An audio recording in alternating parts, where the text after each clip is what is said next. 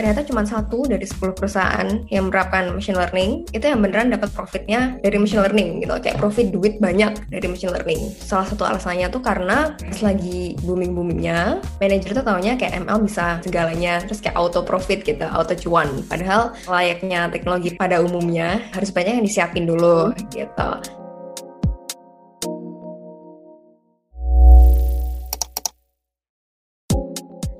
Ketemu lagi di Data Talks channel podcast pertama di Indonesia yang membahas tentang data science. Nah, kembali lagi bersama saya Don dari KBR Prime dan Delita dari Algoritma.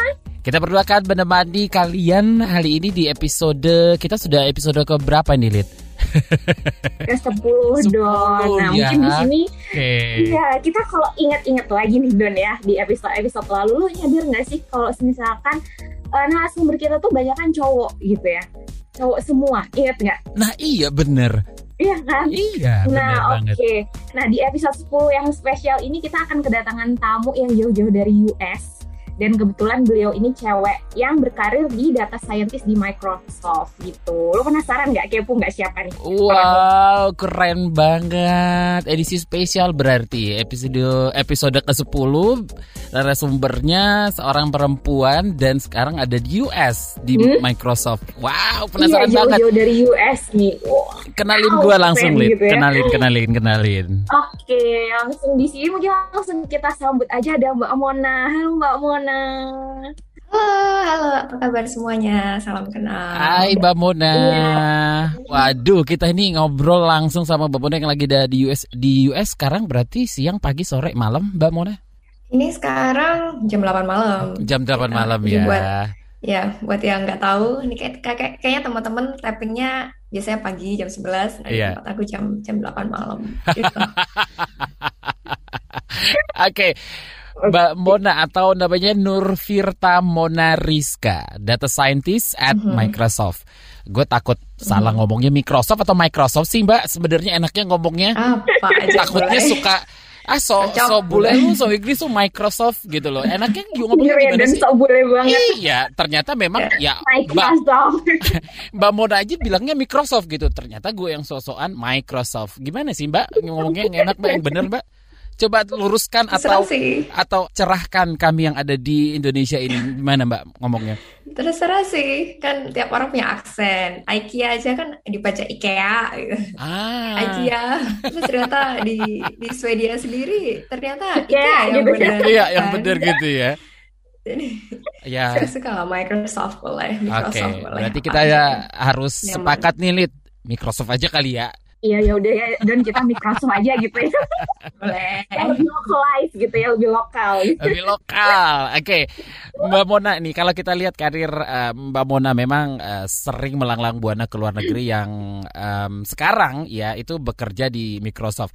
Boleh diceritain gak Mbak? Gimana prosesnya sampai bisa berkarir di luar negeri dan apa yang membuat Mbak Mona itu tertarik untuk berkarir di luar negeri di US sekarang di Microsoft? Ya, um, jadi awalnya aku tuh nggak mikir sama sekali untuk kerja di luar negeri. Bahkan aku sempat ada di fase yang super nasionalis gitu, mempertanyakan kenapa sih orang-orang pada kerja di perusahaan multinasional misalnya, kenapa nggak membangun negeri gitu. Nah sekarang aku sendirinya kerja di luar negeri ya kan, jadi jangan dicontoh ya teman-teman kalau benci tuh jangan benci-benci amat nanti malu kayak aku. Jadi um, awalnya bisa kerja sendiri tuh sebenarnya karena aku punya kesempatan S2 di sini. Jadi um, FYI aja, jalur orang yang biasa kerja di US tuh biasanya kalau nggak sekolah, uh, transfer dari perusahaan multinasional, atau dapat tawaran aja gitu. Dan yang paling umum tuh kuliah S2 ya, atau kuliah S1 juga bisa sih kuliah-kuliah yang penting di sini. Jadi aku sekolah, uh, lulus, terus dapat internship, terus kerja deh. Dan yang bikin aku tertarik tuh sebenarnya nggak ada karena aku sendiri kerja tuh bukan karena um, aku tertarik aku pengen kerja tapi lebih karena keharusan. Soalnya aku tuh nggak seberuntung dan nggak sepintar teman-teman yang dapat beasiswa sebenarnya. Jadi jalanku buat bisa kuliah tuh uh, dan balik modal ya kerja di sini. Jadi itulah kenapa aku kerja sini gitu. Jadi lebih karena kepepet aja sih kalau aku uh, jatuhnya bukan karena aku pengen kerja di sini gitu sih. kepepetnya Mbak Mona itu keren ya Lid ya. Kepepetnya kita bener, mah Aduh, ala kadarnya Mbak Mona ya. Iya benar keren betul Mbak Mona ini the power of kepepetnya di Microsoft gitu ya Don ya. The power of kepepet gitu gimana ya Lid? Oke, okay. by the way, uh, selain di Microsoft nih dulu sempat jadi urban data scientist di Arcadis di New York. Mm -hmm. Terus itu mm -hmm. bedanya sekarang sama uh, uh, uh, yang sekarang yang dikerjakan itu apa Mbak Mona? Ya, beda banget. Jadi aku kebetulan punya banyak kesukaan, banyak interest gitu. Dan uh, karena aku suka sama urban planning, suka sama transportasi, busway, subway gitu-gitu ya. Aku S2 di Urban Informatics uh, New York University. Jadi itu kayak data science tapi plus urban planning gitu. Khusus buat urban planning gitu lah kurang lebih. Nah, terus habis itu aku dapat kerja lah di situ karena aku suka banget kan sama field ini. Aku suka sama field urban planning. Terus aku dapat kerja di Arcadis New York. Dan di situ kerjaannya lebih ke kerjaan-kerjaan yang berhubungan sama tata kota kebijakan publik gitu. Jadi kita analisis data buat kebijakan publik. Misalnya nih, ada kota yang dia mau bikin program bike sharing. Jadi kayak sepeda tapi disewain gitu lah uh, siapa aja boleh nyewain. Nah, terus mereka mikir enaknya stasiunnya di mana aja ya gitu. Ntar kita bisa bantu pikirin stasiunnya di mana aja gitu. Bukan berdasarkan gambar uh, pen and paper, tapi bisa berdasarkan demand-nya di mana gitu. Atau dari GPS data orang-orang tuh biasanya jalan tuh ke mana aja gitu-gitu. Um, implementasi lainnya contohnya di public policy juga bisa.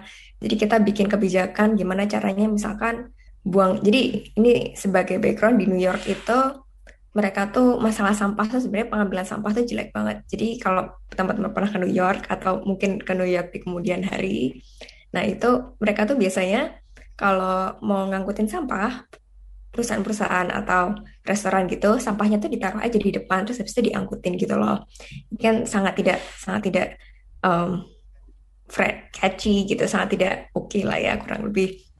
Nah terus itu tuh juga dikelola sama swasta. Jadi orang-orang yang punya license itu siapa aja bisa ngambilin gitu. Jadi itu kan sangat sangat apa ya sangat kompetitif waktu itu. Ada kayak ratusan yang ngambilin sampah. Terus kayak perusahaan kita ngasih proposal ke pemerintah eh kita bisa loh uh, bikin ini supaya lebih efektif biar nggak banyak kompetisi biar nggak um, terlalu ganas kompetisinya. Soalnya karena kompetisi yang terlalu ganas banyak yang mengabaikan safety gitu gitu. Terus kita bikin deh zoning. Jadi kayak misalkan kayak kode pos gitu, tapi nanti di masa depan area tertentu cuma boleh buat perusahaan tertentu. Misalnya mereka harus tender dulu kayak gitu.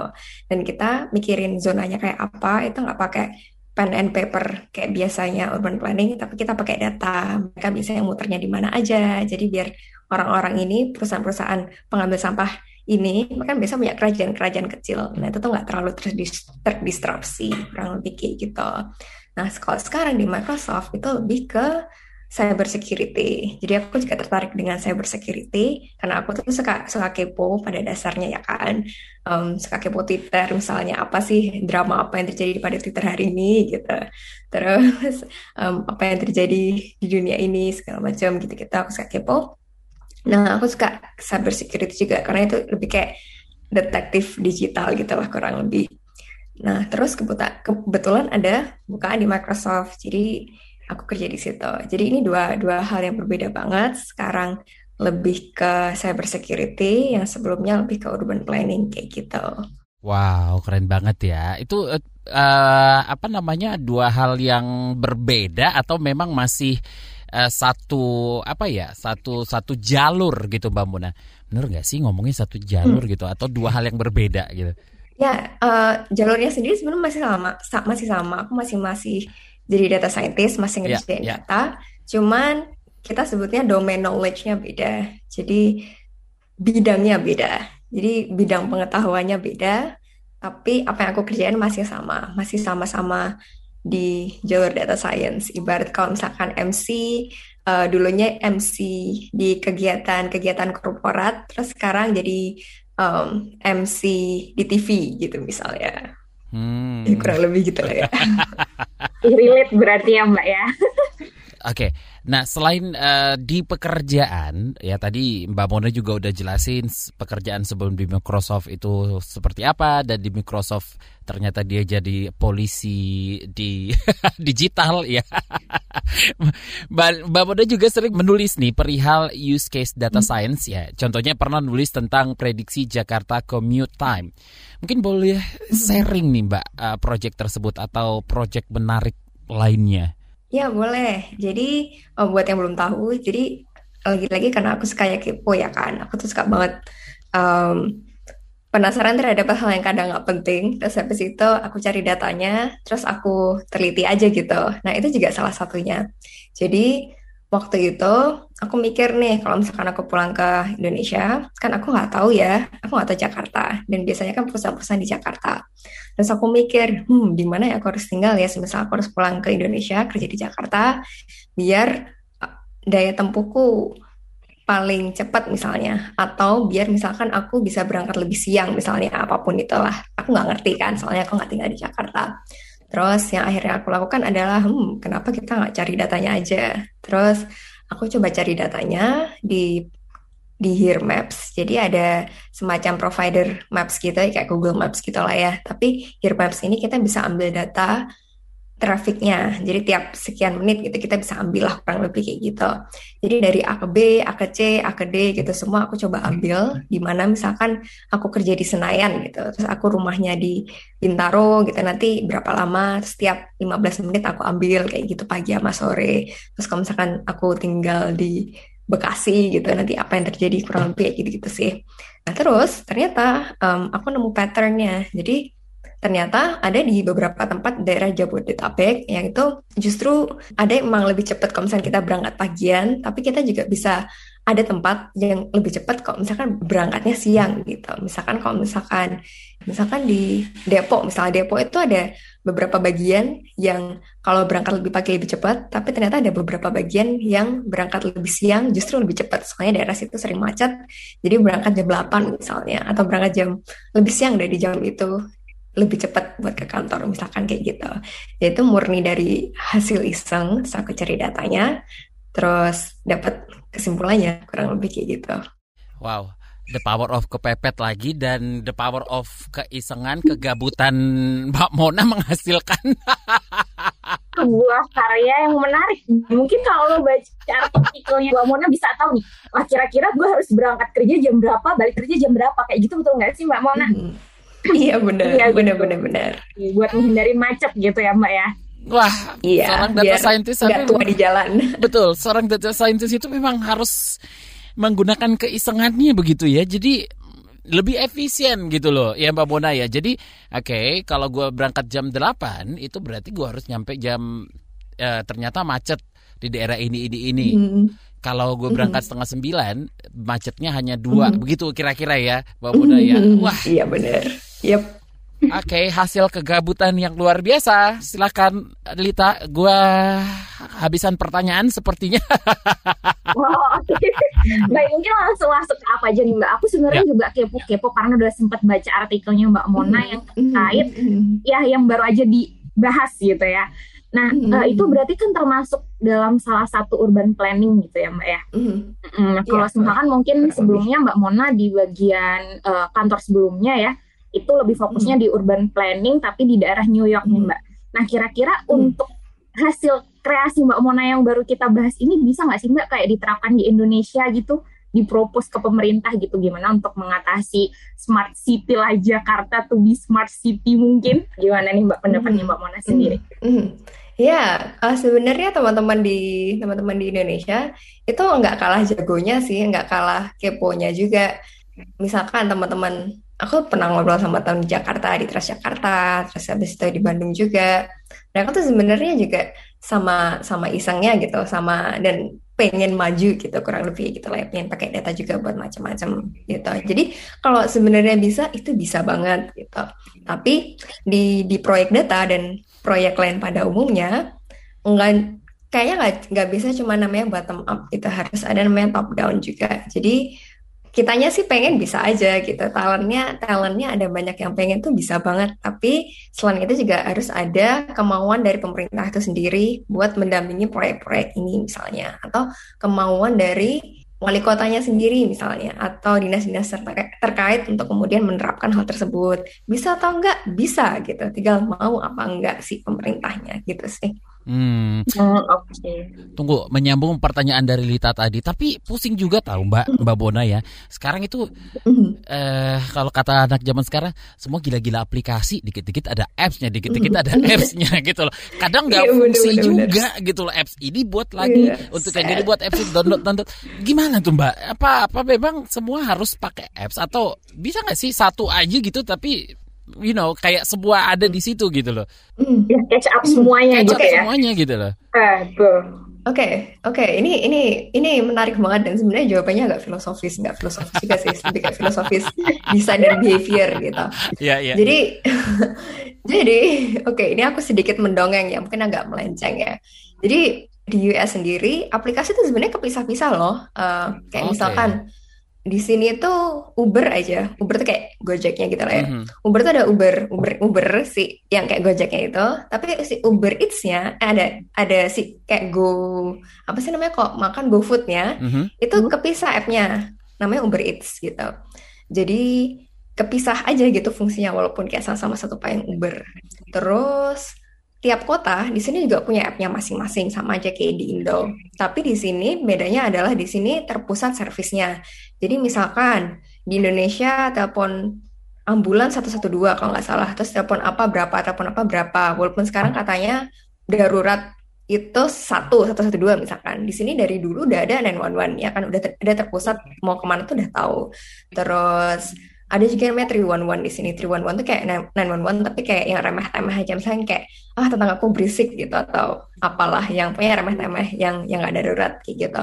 Jadi dari awal tuh infrastrukturnya udah ada tinggal dimanfaatkan aja gitu dan di maintain jadi lebih lebih gampang. Jadi walaupun let's say terpisah-pisah, kita tuh kurang lebih tahu. Misalkan kita pindah kota, oh aku tinggal cari aplikasi One aja gitu, atau aku, aku cari aplikasi apalah gitu yang yang memang di state state aku berada sebelumnya juga ada, misalkan kayak gitu. Jadi udah kayak standardized, tahu gitu lah. Sementara di Indonesia, Indonesia ini kan sebenarnya dia agak telat adopsi teknologinya ya. Jadi belum belum semua punya komputer, tahu-tahu sekarang semua punya smartphone. Yeah. Um, jadi kayak ada gapnya gitu. Dan karena itu um, mungkin ini salah satunya ini kayak super sotoy aku aja ya. Salah satunya super app tuh jadi ngetop gitu karena super app oh satu satu tempat kita bisa ke mana-mana gitu kan bisa kayak makan, bisa kayak pesen rides, whatever, whatever gitu. Jadi super app sekarang super ngetop di Indonesia karena orang-orang Indonesia juga sudah familiar dengan super app. Makanya aku paham banget ketika orang Indonesia nggak suka sama aplikasi yang terpisah-pisah karena ya itu tadi behaviornya udah super app itu tadi kayak gitu sih kurang lebih. Jadi terpisah atau enggak itu sebenarnya nggak masalah. Cuman lebih karena kayak orang Indonesia udah terbiasa sama super app sih. Jadi terpisah-pisah itu jadi kayak oh no gitu di Indonesia. Oh jadi terpisah-pisah itu nggak masalah. Wow, gue baru tahu itu ya kita let's say yang paling uh, ya apps-nya Gojek ya semua sudah ada di situ. GoFood-nya, mm-hmm. GoShare-nya dan mm-hmm. semua semuanya di situ. Bahkan beli token juga bisa di situ. Beli pulsa bisa di situ. Bayar apa-apa juga di situ gitu loh. Yeah, Oke, okay. nah jadi nyambung pertanyaannya kalau dari sisi implementasi teknologi sendiri data science gitu ya Mbak Mona sudah se-advance mana sih implementasinya di US? Jadi implementasinya di sini itu mungkin lebih lebih dewasa aja kali ya atau kayak lebih mature kalau kita bahasa ah, bahasa Jerman ya, hmm. bahasa jejer kauman mature. Uh, jadi karena teknologinya emang biasanya dari sini dulu kan ya, terus baru terus 2 sampai 5 tahun kemudian ngetop di Indonesia misalnya. Jadi kalau dibilang advance tuh sebenarnya sebenarnya enggak juga. Um, contoh nih, contoh nih ya uh, kita tuh udah biasa banget bayar pakai QR code ya kan? Atau kita biasa banget bayar pakai um, GoPay. Uh, karena karena uh, orang Indonesia nggak kenal yang namanya kredit card dulu. Kayak tahu udah kayak mobile mobile payment aja gitu. Sementara di sini kebalikannya. Di US itu orang-orang udah kebiasaan kartu kredit gitu yang udah easy. Jadi bayar pakai QR code yang justru sebenarnya selangkah lebih canggih dari itu. Itu tuh nggak biasa. Jadi kalau advance tuh sebenarnya nggak juga tapi lebih stabil aja kayaknya dan lebih terintegrasi dengan baik aja. Jadi lebih umum dijumpai di kehidupan sehari-hari. Kalau di Indonesia mungkin kayak masih dalam taraf meraba-raba kali ya. Makanya tadi kayak ada banyak app, nggak tahu mau gimana integrasinya. Ini kenapa udah ada app ini, ada app ini lagi gitu. Yeah. Bahkan ada kayak yang, ah, ini aku kesel banget deh. Ada bank, aku nggak mau sebut namanya. Tapi ada bank, dia tuh kayak uh, bikin app baru yang itu kayak completely new gitu. Jadi kayak username passwordnya juga harus bikin lagi. Kayak kenapa nggak ambil dari yang app kemarin gitu loh kan kalian ini cuma update aja kan, gitu. bukan kayak bikin app baru gitu. Nah, dan ya kayak gitu lah. Maksudnya um, gue juga tahu kayaknya integrasinya tuh masih kayak ya, tahu ya, integrasinya tuh masih ngawang-ngawang gitu loh nggak yang kayak seamless kurang lebih sih kayak gitu kalau di sini kayak karena udah terbiasa udah uh, udah lebih kayak dewasa mature gitu. Jadi kayak udah lebih seamless aja. Oke okay, berarti ya lebih orang-orangnya lebih mature gitu ya mbak ya. Lebih kayak eh apa sih kalau dia tarik dari penjelasan Mbak Bona tadi tapi gapnya itu menarik sih tadi pernyataan Mbak Mona itu dari orang sana itu sudah terbiasa menggunakan uh, credit card gitu ya. Mm-hmm. Tiba-tiba sekarang mm. harus pakai QR code ya memang masih butuh waktu gitu ya. Kalau kita mm. let's say di ya Jakarta lah ya gitu ya dari yang debit mm. aja mungkin orang masih sedikit gitu loh yang buat debit card apalagi kredit card gitu loh nggak semua orang bisa punya sekarang apa-apa kalau mau naik uh, angkutan massal juga harus pakai card harus tap mm. gitu dan banyak card juga. itu juga masalah mbak. Dompet itu penuh card yang semua walaupun memang satu bank itu bisa gitu ya, tapi ya yeah. ah men gitu loh. Maksud gue kayak sebuah gitu gue punya hanya punya card komuter lain gue punya, MRT gue punya, Transjakarta gue punya gitu loh. Walaupun yang bank juga bisa sih, tapi ya tetap aja awal-awalnya harus punya itu dulu gitu kan. Jadi eh, kita tinggalin kalau orang-orangnya nih Mbak Mona. Kalau uh, orang-orang atau komunitas data science Indonesia hmm. di luar itu seperti apa sih Mbak? Hmm. Oke, okay. komunitas nih mau ngomongin apa kayak uh, orangnya kayak apa? Nah, misalnya kalau apa, dari gitu. sisi uh, lingkungan atau culture-nya sendiri hmm. gitu, apa perbedaan hmm. yang signifikan dari orang-orang atau komunitas data science di Indonesia dengan hmm. di luar gitu loh? Oke. Okay. Um, jadi kalau culture-nya, aku nggak mau mengeneralisir sih karena sampelku sendiri juga nggak banyak ya kan. Jadi ini personal pengalaman aku aja. Jadi um, take it um, with a grain of salt gitu kayak jangan digeneralisir pengalaman aja. Uh, ini karena data science lebih banyak eksperimennya, aku mau ngomong lebih ke kayak culture eksperimental kali ya. Jadi kalau di US itu aku lebih merasa bisa ambil resiko.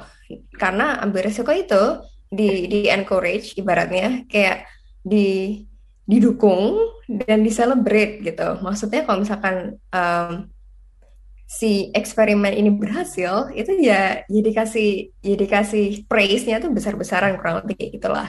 Dan salah tuh nggak apa-apa salah pun tuh nggak apa-apa. Bos atau manajer tuh percaya penuh sama kita kita punya kayak otonomi terserah kamu ngapain kalian udah dewasa kita dikasih tanggung jawab dan mereka pun mendampingi nggak cuman yang kayak eh ini deadline minggu depan loh aku nggak mau tahu gimana caranya tolong kerjain gitu. Tapi mereka juga kayak oh apa apa yang bisa kita bantu? gitu. Terus mereka juga nggak um, ngarang ngasih tas gitu mereka juga sadar apa resikonya mereka juga mengotong jawab akan resiko tersebut gitu.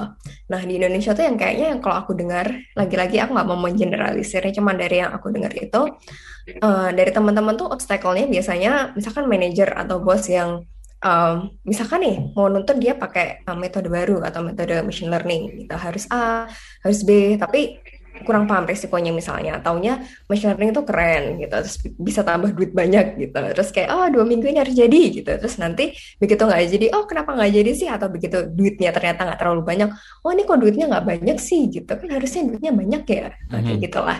Jadi uh, mungkin mungkin perbedaannya di situ kayak di culture ambil resikonya sih gitu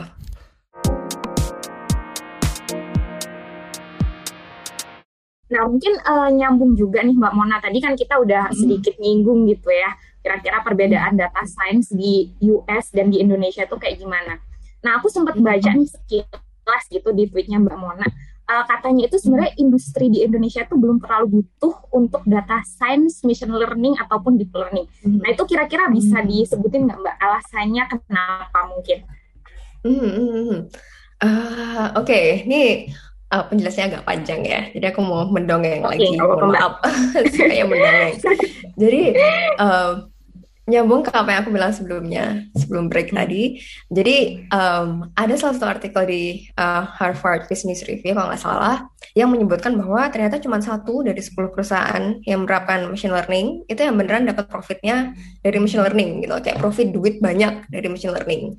Um, dan ini tuh udah uh, beberapa tahun lalu. Salah satu alasannya tuh karena ya tadi pas lagi booming boomingnya, uh, kok di sini waktu itu beberapa tahun lalu lagi kayak booming boomingnya gitu manajer tuh taunya kayak ML bisa segalanya terus kayak auto profit gitu auto auto cuan. Padahal layaknya teknologi pa pada umumnya ya kan uh, harus banyak yang disiapin dulu gitu.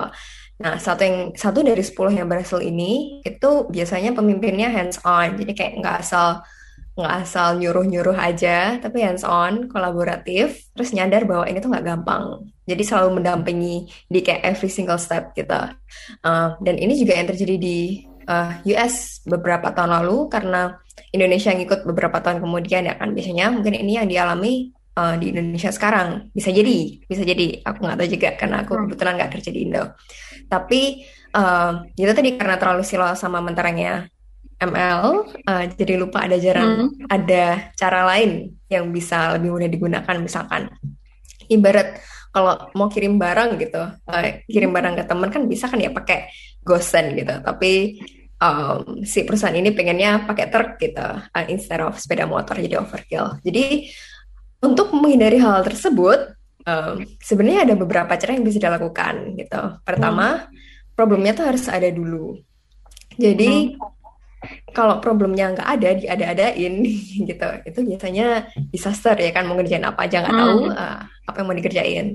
Terus yang kedua problemnya tuh harus cocok sama machine learning. Karena machine learning itu uh, problemnya tuh nggak nggak bisa kayak solving semua problem juga. Problemnya itu um, adalah problem-problem yang um, istilahnya complicated gitu. Kurang lebih nggak terlalu bisa um, gimana ya bahasanya nggak terlalu bisa dipecahkan dengan hal-hal yang sederhana misalkan nih um, sistem rekomendasi sistem rekomendasi itu kan salah satu contoh yang kayak machine learning banget gitu hmm. misalkan nih ada e-commerce gitu dia pengen rekomendasiin barang apa sih yang cocok buat uh, pelanggan-pelanggannya berdasarkan barang-barang sebelumnya atau berdasarkan orang-orang lain yang udah uh, beli barangnya sama misalkan hmm. nah itu susah banget tuh kok diliatin satu-satu mentereng. Susah kan kalau misalkan manusia ngeliatin satu-satu kayak wow uh, banyak banget usernya masa kita mau liatin satu-satu? Nah hmm. itu cocok pakai machine learning. Machine learning bisa membantu di situ gitu. Terus syarat selanjutnya itu harus yakin dulu pakai aturan sederhana nggak cukup. Nah, misalkan nih ada um, minimarket gitu. Minimarket atau warung lah warung hmm. warung gas uh, emak-emak gitu pengen pro proyeksi berapa profit sebulan gitu kan biasanya hmm. pelanggannya udah jelas nih tetangga-tangganya ya kan ya udahlah tinggal dikaliin aja gitu um, gasnya harganya gitu kurang lebih sekian bu setiap hmm. bulan dapat sekian gitu sederhana banget aturannya perkalian aja nggak perlu yang kayak uh, machine learning pakai neural network kita apa apa nggak perlu juga kan overkill. Jadi yakin dulu pakai aturan sederhana aja itu nggak cukup gitu. Terus selanjutnya kalau ternyata pakai aturan sederhana tuh nggak cukup kayak misalkan tadi recommendation system tadi gimana bikin aturan sederhananya ya kan? Itu mungkin agak susah. Itu harus yakin datanya ada dan baik gitu. Biasanya perusahaan tuh pengen rapin machine learning tapi belum ada datanya. Atau hmm. datanya PDF tulis tangan. Susah ya kan masih banyak yang harus dilakukan dulu. Masih harus kayak berbulan-bulan siapin datanya dulu. Nah kalau masih tahap itu mending hmm, sewa atau hire data engineer dulu. Terus selanjutnya yakin duitnya tuh ada. Karena terapin machine learning itu nggak nggak murah kalau kalau sekarang bakal lebih murah sih. Tapi untuk sekarang um, kadang mungkin mahal karena uh, pertama harus effort ambil datanya dulu ya kan. Itu mungkin uh, harus set infrastruktur dulu.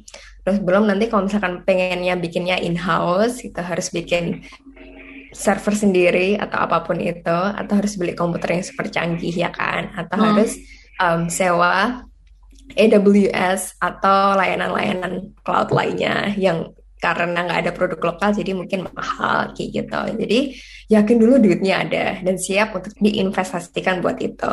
Terus selanjutnya harus um, yakin dulu bakal punya profit yang lebih banyak daripada si rule sederhana tadi gitu. Misalkan ada rule sederhana um, jika A maka B gitu yang sudah sustain dari lama pakai rule itu gitu. Terus ternyata bikin machine learning profitnya nggak banyak-banyak amat ya kan ngapain investasi duit sebanyak itu gitu. Kalau misalkan profitnya nggak nggak nggak sebanyak yang diharapkan gitu.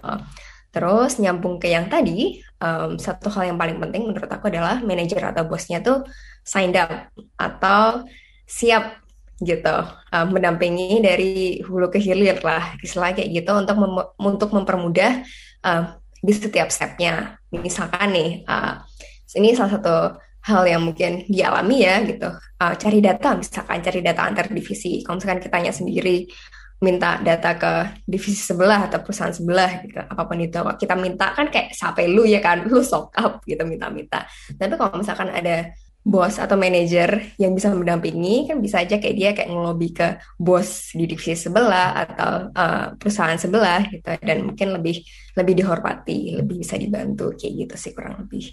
Wow tapi um, seperti yang udah kita obrolin di awal ya. Lita juga ngomong di awal mm. dari 10 episode Data Talks ini itu semua narasumbernya laki-laki dan baru mm. Mbak Mona yang hadir sebagai data scientist perempuan. Nah, menurut uh, Mbak Mona mm. sendiri nih, gimana sih representasi perempuan di bidang data science saat ini? Uh -huh. uh, representasinya sudah mulai banyak kita. Uh, di sini ada ada Mbak Lita ya kan, salah satunya wajah perempuan kita di dunia sains. Jadi um, sudah mulai banyak gitu. Tapi menurut aku sih bisa lebih banyak lagi ya tentunya. Jadi sayang banget tapi aku nggak riset dulu. Tumben aku nggak riset. Aku kepo, tapi aku nggak sempat kepo tapi buat sudah ini. Jadi aku lumayan. dulu. Iya Mbak Buna ya. Iya, aku jadi aku nggak tahu angka pastinya berapa okay. kalau di Indonesia dan di US. Tapi di timku sendiri itu 50% ada kayaknya. Oh. Jadi cukup cukup seimbang. Cukup Dan seimbang, itu ya? lebih karena aku ya aku kayaknya cukup hoki aja, cukup beruntung ada di tim yang cukup beragam dan sangat ramah terhadap keberagaman tersebut ya kan. Jadi nggak cuma beragam tapi juga keberagaman tersebut difasilitasi kurang lebih kayak gitu. Oke, okay. Pas banget nih pertanyaan gue selanjutnya sebenarnya hmm. mau nanyain soal kalau di US sendiri industrinya sudah ramah terhadap uh, bukan hanya keberagaman atau ya data hmm, scientist hmm. perempuan gitu sudah cukup ramah berarti ya Mbak Muda ya? Ya, uh, jadi um, tadi seperti yang aku bilang, kok di tempatku sendiri tuh udah kayak super ramah sih sama perempuan. Tapi aku juga nggak nggak menampik bahwa di tempat lain mungkin nggak, ya kan? Karena di tempat aku nggak, belum tentu di tempat lain juga nggak kayak gitu. Atau mm-hmm. di tempatku iya, di tempat lain belum tentu iya. Um, dan apakah di sini lebih ramah dari Indo? Aku juga kurang tahu sebenarnya karena mungkin aku punya bias kebetulan kerja yeah. di iya. tempat yang super ramah terhadap keberagaman. Yeah. Tapi uh, keberagaman. Tapi aku lebih sering kayaknya melihat effort yang kayak disengaja di sini utamanya uh, untuk uh, membuat keberagaman keberagaman tersebut ada melalui pintu paling depan alias recruiting gitu. Contohnya nih, uh, jadi ada ada penelitian ya, ada penelitian, udah aku lupa sumbernya mana, ntar aku ntar aku kuat deh kalau misalkan aku nemu. Jadi ada penelitian bahwa uh, kalau misalkan ada job posting nih, ada job posting, uh, cowok tuh bakal kayak ngelamar kalau misalkan ketemu beberapa aja lah ya yang memenuhi gitu. Sementara cewek itu atau perempuan itu baru mau ngelamar kalau udah punya semuanya. Jadi kayak make sure semua tuh udah punya gitu. Nah, karena karena fakta tersebut perusahaan-perusahaan itu sekarang perusahaanku juga itu mulai mengurangi list must have gitu. Tapi uh, lebih nambahin kayak list nice to have aja. Jadi kayak must have-nya tuh kayak yang ya udahlah standar-standar aja. Bahkan di beberapa tempat kayak di beberapa tim di perusahaanku juga ada yang kayak nggak eh, nggak uh, usah punya degree juga nggak apa-apa alias kayak nggak punya PhD gitu-gitu juga nggak apa-apa yang penting kayak kamu hmm. punya the skills um, terus nice to have aja nggak nggak kayak must have jadi kayak lebih lebih ngasih kesempatan buat kayak semua orang untuk masuk ke pintu pertama tadi gitu. Hmm. Uh, ini ada pertanyaan sih Mbak sebenarnya, tapi uh, hmm. gini nih, apa memang dunia data science ini lebih cocok bagi laki-laki atau seperti uh, atau laki-laki atau perempuan? Tapi hmm. uh, gue tuh pengen nanyanya kayak gini, Mbak, apakah pekerjaan data science itu tidak menarik perempuan gitu loh. Kalau cocok ya hmm. semua cocok ya gitu ya. Hmm. Si, uh, perempuan dan laki-laki bisa mengerjakan apa pun gitu. Tapi pekerjaan ini sendiri yang tidak apaan sih itu gitu loh pekerjaannya menarik hmm. atau enggak gitu loh Oke, okay. uh, eh, sebenarnya nggak cuma nggak cuma di data science ya. Ini kayaknya lebih ke kayak problem komputer komputer atau kayak um, science tech, engineering, math in general. Yeah. Uh, jadi ini aku mau sedikit dongeng lagi. Uh, sorry banyak dongengnya. Jadi nggak um, mau mbak. Uh, mari kita kembali ke ratusan tahun lalu, uh, biar kita paham asal muasalnya dari mana. Jadi dulu tuh software tuh kerjaan perempuan loh, uh, karena lebih dekat ke kerjaan sekretaris, ya kan? Kan perempuan jadi sekretaris, gitu. Jadi kayak ngetik-ngetik gitu-gitu, dan software kan lebih ke ngetik-ngetik kan ya. Jadi kayak uh, software tuh dulu kerjaan perempuan. Bahkan ada Lovelace, ada Lovelace tuh uh, programmer pertama itu tuh perempuan, gitu loh. Jadi kalau misalkan um, dicari gambarnya di internet, gitu, beliau tuh pakai um, baju gaun ala Perancis yang besar itu uh, bayangin nggak uh, pakai baju gaun kayak gitu terus ngetik-ngetik gitu. Nggak ngetik-ngetik sih pakai programming kita. Nah uh, dulu pun yang masuk komputer science itu biasanya perempuan gitu. Uh, karena komputer itu yang dulu tuh kayak sekretarial itu biasanya ada di, kampus dan itu besar banget di zaman dulu. Jadi kayak labnya di kampus, mereka belajarnya di kampus. Tapi terus di tahun kayak 70-an gitu, kayaknya waktu itu personal personal komputer lagi booming, uh, Apple Microsoft mulai kayak masuk ke pasaran. Nah, dan karena waktu itu anak laki-laki lebih disayang daripada anak perempuan, uh, dikasihlah hadiah si komputer ini ke anak laki-laki tersebut yang biasanya uh, waktu Natal atau apa gitulah sementara perempuannya dikasih boneka gitu misalnya dan uh, oleh karena itu uh, si laki-laki ini dia punya kayak start gitu buat kayak belajar komputer duluan hmm. daripada si perempuan yeah. dan itu mulai kelihatan kayak shiftnya setelah itu dan uh, kayaknya sih ini bahkan sampai sekarang ada ya di Indonesia mungkin soalnya uh, aku ada teman dosen di sebuah uh, di sebuah uh, universitas swasta di di Indo lah gitu. Beliau tuh bikin survei iseng-isengan uh, di di kelasnya gitu. Terus ternyata uh, spek komputer mahasiswa itu lebih canggih daripada spek komputer mahasiswi gitu. Padahal uh, makul yang diambil sama gitu, makul machine learning misalnya. Hmm. Jadi kan hmm. yang satu kayak bisa ngeranya lebih cepat, yang ngeranya lebih lambat kayak gitu kan. Karena ya itu tadi si cowok-cowok ini sebenarnya mereka udah kayak hands on dari kecil udah punya komputer dari kecil misalnya karena mainnya pakai komputer um, jadi jadi bisa lebih lebih cepat uh, lebih cepat belajarnya lebih duluan belajarnya gitu. Jadi apakah lebih cocok untuk laki-laki? Secara historis sebenarnya tidak ya karena yeah. dulu yang ngerjain juga perempuan duluan gitu. Justru malah secara karena historisnya ada, malah perempuan duluan gitu ya mbak Mona ya? Yes. Jadi karena ada shift itu tadi yeah, yeah. pesan moralnya jangan membeda-bedakan ngasih hadiah aja ah. sih.